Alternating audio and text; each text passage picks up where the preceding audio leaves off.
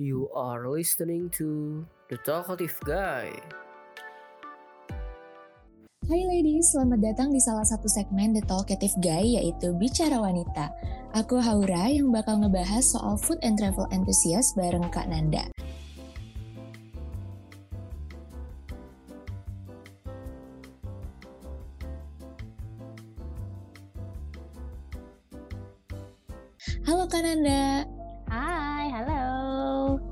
Kesibukan Kak Nanda akhir-akhir ini apa sih Kak?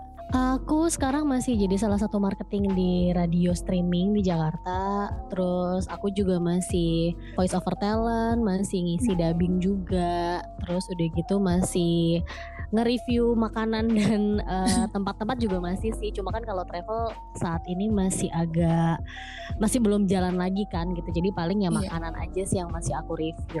Oke, Eh, terus itu gimana ceritanya Kak bisa masuk ke dunia food and travel enthusiast? Kan Kakak juga eh, ada kerjaan-kerjaan lainnya Mm-mm. gitu ya Kak? Mhm. Mm, Gimana tuh? Sebenarnya tuh eh, kalau seafood and travel enthusiast tuh aku nggak bisa bilang itu eh, main job ya. Jadi kayak itu mungkin second job aku kali ya gitu. Jadi tuh eh, awalnya emang aku tuh doyan banget explore satu tempat. Terus udah gitu aku suka banget traveling lah intinya. Terus habis itu traveling tuh aku juga selalu suka makanan-makanan khas di sana sebenarnya gitu. Jadi emang dari dulu tuh Sekalian suka ya? Ah, ah, suka banget anaknya tuh emang jajan banget jajan banget ya dari dulu gitu terus eh, waktu itu pertama kalinya tuh aku traveling sama satu- salah satu sahabatku terus emang kayak eh, menemukan makanan-makanan yang bahkan aku tuh nggak pernah tahu ada makanan itu gitu loh sebelumnya. Makanannya lucu-lucu banget gitu kayak misalnya aku ke Majalengka terus aku ke Kebumen gitu ke beberapa tempat terus akhirnya nemu makanan yang eh, enak gitu terus kayaknya tuh orang-orang belum banyak tahu gitu. Jadi ya udah terus abis itu aku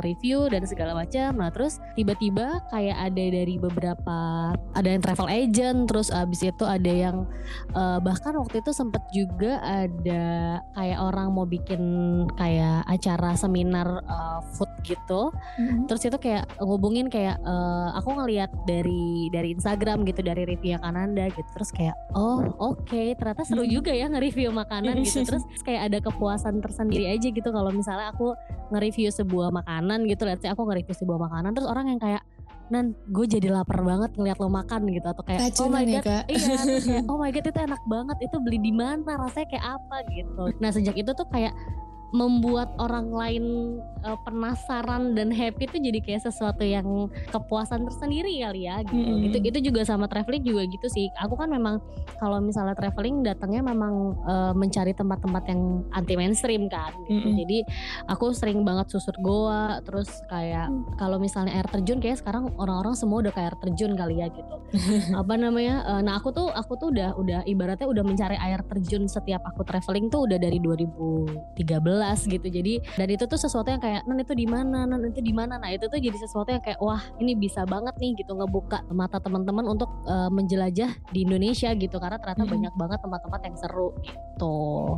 Oke, nah berarti awalnya karena kakak hobi gitu, senang Karena gitu hobi, ya, Kak? karena Mm-mm. karena suka sebenarnya sih eh, kerjaan yang aku lakuin sekarang nih kayak food and travel terus aku juga nari juga kan terus aku Mm-mm. dubbing juga itu semuanya memang berawal dari sesuatu yang aku suka gitu karena Mm-mm. eh, aku percaya kalau kunci dari sebuah eh, pekerjaan tuh yang paling pertama adalah nyaman gitu jadi kalau lo nggak nyaman mau kerjaan lo seenak apa mau gaji lo sebesar apa kalau lo nggak nyaman lo nggak suka sih menurut gue nggak akan bisa lama gitu bertahan di situ dan nggak akan kayak 100% ada di situ gitu nah kenapa akhirnya mendalami? Karena memang suka dan itu tadi gitu. Aku seneng banget aja eh, kalau ada orang-orang yang jadi kayak pengen tahu gitu terus akhirnya jadi datang ke tempat itu juga gitu kayak nan gue udah ke sini juga nih gitu ternyata tempatnya seru banget nah itu tuh kayak kepuasan tersendiri aja gitu buat aku gitu Oke. sih Nah, challenge apa aja yang pernah kakak lewatin selama berkarir jadi food and travel enthusiast kak? Kalau challenge sebenarnya explore sih. Explore Hmm. tuh jadi salah satu yang kayak menyenangkan tapi juga menegangkan gitu kayak eh, misalnya aku datang ke satu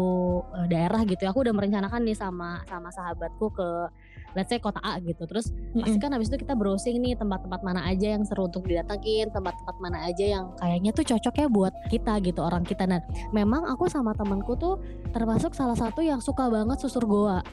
dan Mm-mm. itu apa ya kalau bisa dibilang sesuatu yang yang kalau kalau gini jadi kan aku pergi sama sahabatku tuh cewek ya berdua doang Mm-mm. nah terus itu sering banget kalau kita ketemu sama orang di jalan atau kita nanya tempat itu pasti mereka yang kayak hah mau ke sana yakin mbak? Berdua doang gitu. Terus kayak oh iya iya emang mau ke sana sih tujuannya gitu. Jadi kayak nah kayak gitu-gitu tuh. Jadi kita pasti challenge yang pertama adalah ca- cari tempat yang memang kita akan nyaman gitu. Karena Mm. eh, beberapa kali juga aku sama temenku itu datang ke tempat yang ternyata pas sampai sana tuh misalnya rame banget gitu. Aku kan sama temenku memang nggak terlalu suka tempat yang rame gitu kan jadi kalau kita eh, traveling pasti carinya tempat-tempat yang eh, sepi gitu biar lebih enak aja gitu. Terus abis itu pasti nyarinya juga juga bingung gitu. Maksudnya kayak ini kita mau ke mana ya? Kita mau ke mana dulu? Nentuin rute tuh sebenarnya sesuatu yang kadang-kadang challenge juga gitu. Kayak ini kita mau ke mana ya? Kira-kira kalau misalnya kita ke sana bisa dapat apa ya? Gitu. Orang bisa dapat apa dari dari cerita kita gitu. Terus kita bisa dapat apa dari cerita kita gitu. Mm-mm. selain itu sih challenge-nya sebenarnya nggak terlalu banyak sih kalau untuk food and travel karena ya itu tadi kegiatannya adalah kegiatan yang aku suka tapi paling ya itu kayak kita harus cari waktu terus kita mau ngambil angle dari sisi mana terus belum kalau misalnya banyak terkendala kayak ternyata tempatnya nggak sesuai sama ekspektasi gitu-gitu. Terus kayak waktu itu juga belum lama ini aku ke Majalengka terus kayak kita nyari satu tempat yang emang udah kita incar banget dari dari kita udah nentuin oke kita ke Majalengka gitu. Terus pas sampai sana ternyata tempatnya tuh udah udah nggak ada gitu. Jadi kayak tempatnya Oke. tuh udah udah nggak dibuka lagi untuk Mm-mm. umum dan kayak aku tuh kayak beneran di, ada di ujung ada di ujung jalan yang kalau lurus lagi tuh udah udah hutan gitu. Jadi kayak ah ini ke mana ya? Gitu. Terus akhirnya nanya sama orang sekitar terus orangnya cuma bilang kayak "E, mbak ini udah nggak bisa dipakai gitu. Si si tempat ini tuh nggak bisa dipakai so akhirnya kita harus ganti lagi rute. Terus kayak memikirkan lagi ini mau ke mana ya? Kalau nggak ada tempat ini kita ke mana? gitu. Tapi itu sesuatu yang menyenangkan sih. Jadi kalau challenge ya paling nentuin tempat aja sih kalau aku. Tapi itu juga yang nggak challenge banget sih gitu Oke. oh sama satu lagi paling ini sih kalau misalnya kalau misalnya makanan ya kalau ngomongin makanan kadang-kadang tuh Hmm. kan lidah tuh kan beda-beda ya Heeh, ya benar kak. Nah itu tuh em, sering kali kalau misalnya aku misalnya aku nih aku tuh misalnya aku bilang kayak ini tuh menurut aku enak banget gitu karena begini begini begini gitu. Mm-mm. Terus nanti eh, ada beberapa orang yang nyoba terus menurut mereka tuh nggak cocok. Terus Mm-mm. eh, kadang-kadang tuh kak eh, lo bohong ya gitu. Ini tuh nggak enak makanannya terus gue kayak eh, sorry kan lidahnya beda-beda ya gitu. Jadi kalau menurut gue enak belum tentu menurut lo enak. Kalau menurut lo enak belum tentu menurut gue enak gitu. Gue kan hanya merekomendasi apa yang menurut gue eh, patut untuk dicoba gitu. Nah kadang-kadang tuh kayak dan dan itu tuh kadang DM tuh nggak masuk satu dua gitu tiba-tiba tuh yang kayak eh, ada waktu itu ada salah salah satu jenis makanan yang emang nggak biasa juga sih gitu Oke. terus DM terus kayak beberapa kayak kesel gitu kayak kak ini nggak enak gue udah jauh-jauh ke sini terus ternyata rasanya B aja Em, oke gitu karena eh, ya nggak sama ya lidah lo sama lidah gue gitu aja sih kalau misalnya challenge Tadi kan kakak bilang awalnya kakak seneng tuh eh, nge-upload tentang makanan atau tempat eh, liburan terus ternyata banyak yang interest dan keracunan gitu sama Yap. Kanada. Nah eh, itu kan berarti kakak harus terus mencari eh, makanan atau tempat baru apa nih yang mau dicobain lagi Betul. gitu ya kan? Iya. Nah pertanyaannya adalah how to keep yourself up to date sama trend food dan traveling yang lagi ada. Kalau traveling sih sebenarnya aku tuh memang termasuk orang yang tidak mem- bukan bukan termasuk salah satu orang yang memuja tempat mainstream. Salah satunya adalah Mm-mm. Bali gitu. Jadi kayak Oke. semua orang semua orang ngomongin Bali gitu kan. Eh, ya maksud buat aku kayak oke ke Bali gitu. Tapi kalau aku bisa milih aku akan lebih explore Jawa yang kecil-kecil lah gitu.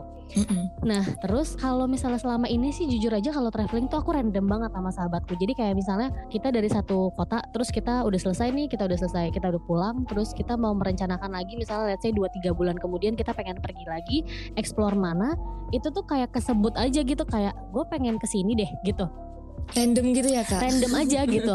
Terus eh, kayak itu tuh terjadi waktu aku dari Kebumen deh, kalau nggak salah ya. Aku dari Kebumen, terus abis dari Kebumen sebulan atau dua bulan setelah ke, ke Kebumen, pulang dari Kebumen, terus ketemu ketemu sama si sahabatku itu, terus kayak kita ke mana lagi ya gitu.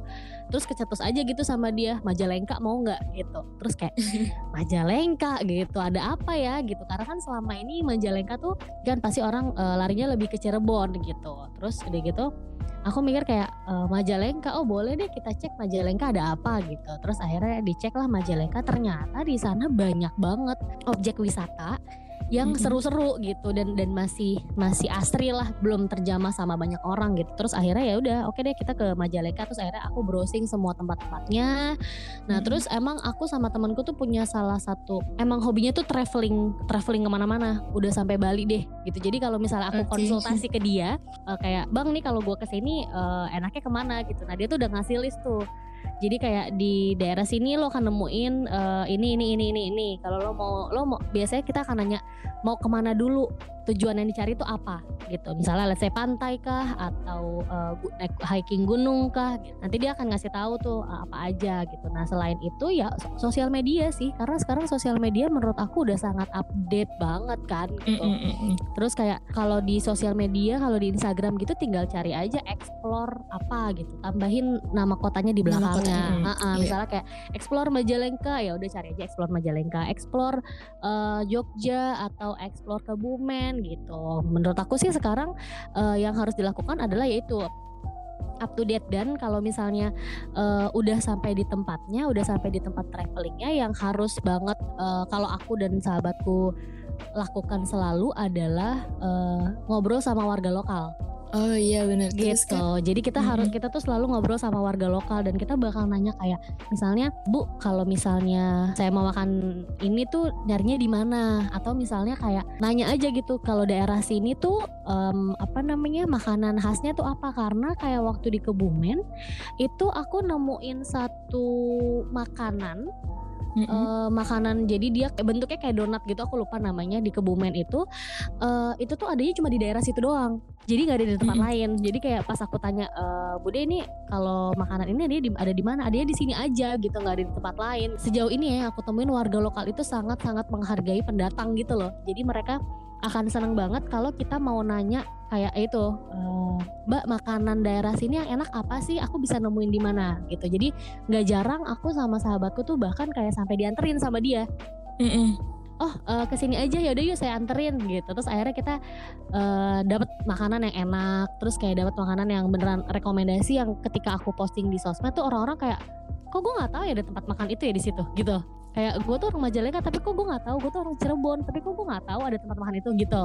Berarti nggak yang mainstream ya kak ya? Selama sejauh aku traveling sih yang aku temuin sih beberapa sih orang belum tahu sih. Maksudnya jadi misalnya gini aku nemuin sate marangi gitu let's say banyak banget orang nemuin sate marangi di Majalengka tapi nggak tahu ada sate marangi itu gitu. Okay. Jadi atau kayak waktu itu aku nemuin apa namanya satu makanan kalau kamu tahu namanya tutut jadi dia kayak mm. apa ya kayak keong bukan keong apa kayak siput gitu mm. nah itu tuh banyak banget di Majalengka tapi nggak tahu uh, tutut yang aku temuin itu jadi di tempat yang itu tuh orang-orang tuh nggak ada yang tahu karena mereka biasa rata-rata kayak loh gue taunya tutut yang enak tuh di jalan ini gitu oh iya ngerti nah terus pas aku pas aku bilang kayak uh, tapi tutut yang gue temuin tuh rasanya beda karena begini begini begini begini gitu. Tuh kayak oh oke okay, itu ada di mana ndak gitu. Jadi tuh rata-rata ya itu tadi itu kayak the power of tanya sama orang lokal sih. Oke okay, gitu. berarti berinteraksi juga ya kak betul. sama orang lokal tuh wajib betul. lah ya. Wajib. Dan ini kak apa sih manfaatnya yang kakak dapetin dari food and travel enthusiast ini?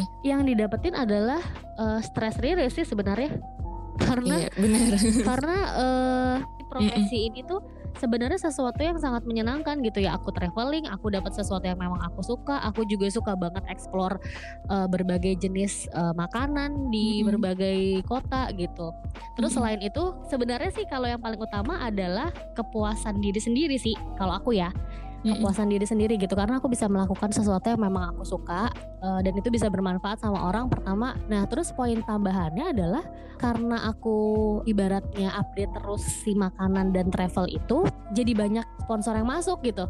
Jadi Endorse kayak, gak kak?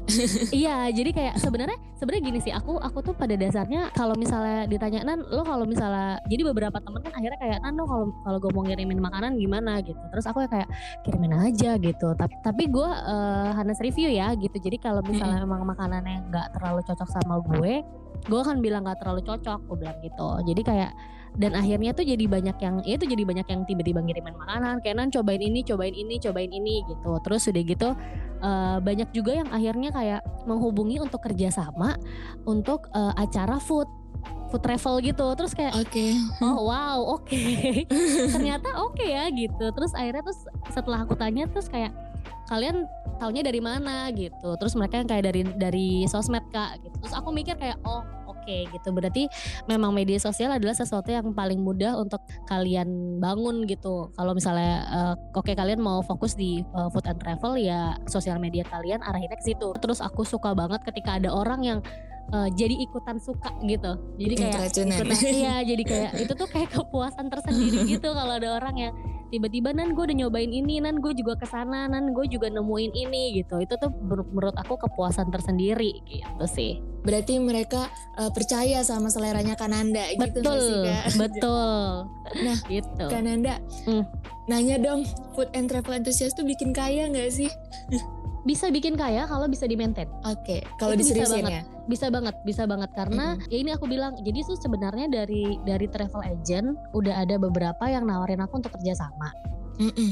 Jadi kayak mereka mau naikin uh, wisatanya mereka mm-hmm. di beberapa kota dan memang mereka mau naikinnya wisata yang anti mainstream. Jadi yeah. kalau misalnya kayak uh, cafe terus pantai gitu kan kayak udah udah sangat mudah gitu kan orang taunya bisa ada di mana-mana. Nah mereka tuh pengen naikin sesuatu yang lokal banget. Terus uh, aku bilang karena masih pandemi jadi aku nggak bisa ke sana. Aku bilang gitu kan. Terus mm-hmm. uh, ya udah so akhirnya mereka oh ya udah deh kan nanti kita discuss lagi setelah pandeminya udah agak longgar lah. Itu satu kalau travel travel tuh kayak menurut aku sih travel itu kerjasamanya lumayan buat karena buat aku pribadi ya ketika aku ada yang ngajakin kerjasama kayak gitu kalau aku pribadi pada awalnya cuma yang kayak lo tunjukin aja deh ke gue tempatnya di mana aja gitu hmm. kayak kayak ibaratnya lo anterin lo anterin gue aja deh gitu nanti gue yang explore sendiri uh, biaya dari gue nggak apa-apa gitu karena buat aku yang diperluin yang aku perluin adalah yaitu menjelajah tempat-tempat yang memang belum banyak orang yang tahu gitu terus mm-hmm. terus ternyata dari mereka uh, ngasih kerjasamanya yang lain gitu kayak kak tapi kita bisa kok begini begini begini so aku kayak oh oke okay, gitu. Kalau yang makanan juga gitu, review tuh juga gitu. Jadi ada kayak beberapa yang emang masuk terus kayak kak aku mau kirimin ini, kak aku mau kirimin ini, kak aku mau kasih ini gitu. Terus aku yang kayak oh ya udah nggak apa-apa kirimin aja. Kalau mau diseriusin menurut aku bisa banget. Eh, karena traveling Indonesia tuh lagi menurut aku lagi kebuka banget nih kota-kota di, di Indonesia gitu ya kota-kota yang sedikit lah gitu peminatnya untuk ke daerah sana. Karena kalau orang nanya lo mau liburannya ke mana? gitu pasti rata-rata jawabannya adalah kalau nggak uh, Bali Jogja. Sekarang mungkin nambah Labuan Bajo kali ya gitu tambah NTT Flores dan sekitarnya gitu. Indonesia tuh masih punya banyak, banyak banget, banget. wilayah yang bisa didatengin dan punya uh, objek wisata yang oke-oke banget. Nah, kalau misalnya ditanya bisa kayak apa nggak bisa seriusin aja di situ. Caranya gimana? Mungkin kalian bisa bikin blog. Jadi kalian travelingnya tuh nggak cuma traveling aja gitu, tapi kalian bikin blog, kalian kasih tahu uh, rekomendasinya, jalan ke sananya gimana, tiket masuknya berapa, apa aja yang didapetin di sana. Terus hmm. abis itu dengan kayak gitu menurut aku akan banyak travel agent atau misalnya tempat-tempat makan atau pokoknya yang berhubungan sama travel itu yang bakal ngajakin kerjasama gitu. Jadi menurut aku sih itu peluang banget sih. Berarti uh, gini ya kak, bikin personal branding kita itu di food and travel enthusiast. Jadi si travel travel agensinya itu bakal datang sendirinya gitu ke kita ya kak ya. Terus jangan lupa berani sih kalau menurut aku. Jadi gini, uh, aku tuh beberapa kali posting, uh, let's say aku posting kota gitu ya di Kebumen gitu misalnya. Mm-mm. Nah itu begitu posting, itu kalian kasih hashtag yang oh. banyak atau mm-hmm. kalian tag aja kira-kira yang berhubungan sama tempat itu kayak misalnya uh, explore Kebumen, Kebumen keren, apalah hmm. uh, wisata Kebumen atau apa. Nah itu tuh emang sih nggak menjamin bahwa kalian akan dinotis gitu, tapi hmm. kemungkinan menurut aku kalau kalian konsisten terus-terusan itu akan ada yang dinotis karena itu terjadi sama aku. Jadi aku di repost waktu itu sama explore Kebumen kalau nggak salah. Terus akhirnya dia ngubungin aku karena dia ngelihat postingannya si uh, Explore Kebumen. Oh, gitu. si travel agensinya ini ya. Betul. Nah, berarti intinya konsisten lah ya Kak ya. Konsisten. Itu harus banget sih. Konsisten tuh harus banget. Oke. Okay. Nah, Kak, ini kan kalau traveling terus uh, nyobain makanan gitu ya, hmm. pasti kan butuh mengeluarkan banyak uang. Hmm. Worth it gak sih sama hasilnya gitu? Worth it sih. Kalau misalnya ngomongin soal worth it-nya uang sih aku sejauh ini modal baliknya sih kalau kalau dibilang belum balik banget sih belum balik banget sih. Cuma kenapa salah satunya aku mengincar eh, kota-kota yang belum banyak terjamah karena pertama yaitu itu maksudnya belum banyak orang yang tahu tempat itu. Aku berharapnya belum banyak orang yang tahu tempat itu. Sehingga aku bisa ngasih informasi ke orang-orang. Kedua, di sana tuh murah-murah. Jadi sebenarnya traveling itu nggak harus mahal. Itu tuh yang selalu aku garis bawahin sama temenku traveling itu nggak harus mahal. Jadi kalau misalnya eh, kalau aku memang dari awalnya itu ngelihat dulu traveling ini tujuannya mau apa? Apa yang mau kita explore? Objek wisata kah atau makanan kah? gitu.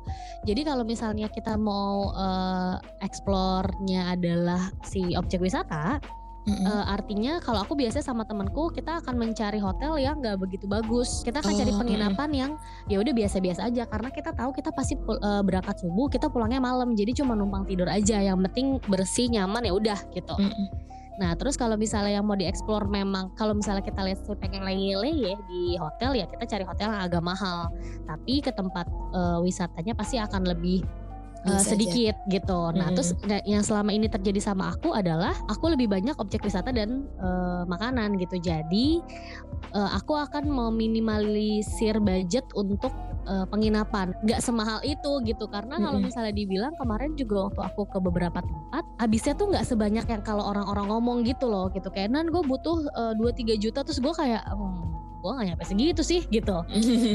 Aku nggak nyampe segitu sih gitu. Maksudnya sebenarnya kalian bisa memanage budget untuk traveling kalian gitu. Terus udah gitu eh, yang kedua adalah cari relasi sih di setiap kota. Dan relasi yang paling banyak aku dapat selain dari teman juga adalah dari sosial media. Oh sesama food and travel enthusiast Betul. gitu ya? Ah, ah, jadi kayak banyak dari mereka yang kayak kok kapan ke sini nanti eh, aku anterin deh ke mana-mana gitu. Atau misalnya kayak nanti tinggal aja di di, di tempatku kak gitu nah itu tuh Hmm. itu tuh terjadi di beberapa travel yang aku traveling yang aku yang akhirnya aku jalanin gitu aku jadi kan itu kayak sangat meminimalisir budget banget kan Iya Jadi- benar. jadi kalau misalnya tanya worth it apa enggak sih menurut aku worth it banget sih tergantung bagaimana kita memanage si budgeting itu Tergantung fokusnya kita liburan ini mau ngapain gitu ya kak. Fokusnya di mana? Eh, kakak kan udah traveling dan nyobain makanan banyak banget nih. Mm-mm. Kalau untuk tempat dan kuliner favorit Kananda apa sih? Oke, kalau misalnya ini banyak nih sebenarnya. kalau misalnya yang kemarin aku banyak banget eksplor itu kan adalah di Cirebon nih kalau soal makanan. Iya. Karena eh, Cirebon itu waktu itu aku memang fokusnya adalah untuk cari makanan kan.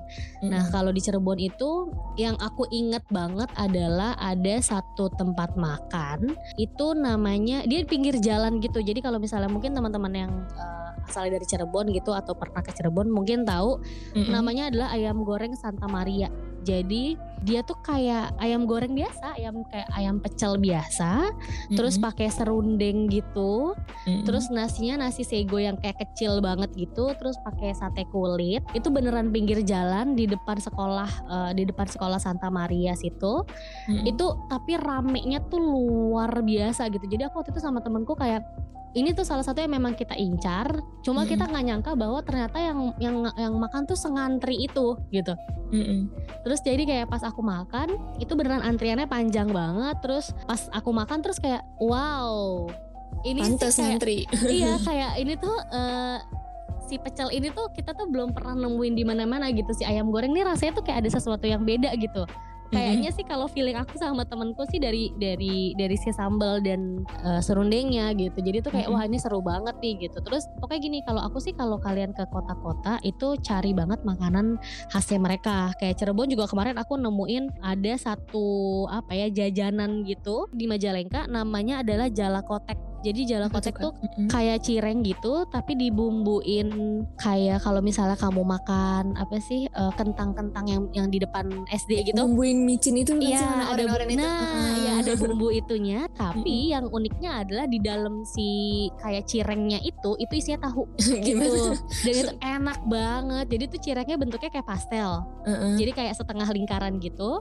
Mm-mm. Eh, bentuknya kayak cireng digoreng gitu dan ternyata dalamnya surprisingly dalamnya itu adalah tahu. Jadi aku mikir kayak ini apa ya? Ini apa ya gitu. Terus pas aku makan, oke tahu. Gitu kayak wow. Tapi kakak Kayak- belum pernah nemu itu di mana-mana. belum pernah. Dan ternyata Oke. di Majalengka tidak semudah itu mendapatkan jala kotek. Oh, gitu. Jadi tuh waktu itu aku termasuk yang salah satu yang Beruntung. beruntung, eh, jadi nyari jala kotek nggak nggak ketemu.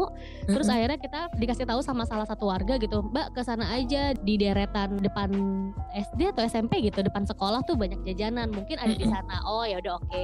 Terus pas kita pas aku lagi jalan kita ketemu tutut yang tadi aku bilang kayak tutut dan kerang gitu. Tutut tuh kayak siput gitulah. Terus kalau Mm-mm. kalau kalau makannya tuh harus kayak kalau nggak dicongkel kayak dihirup gitu.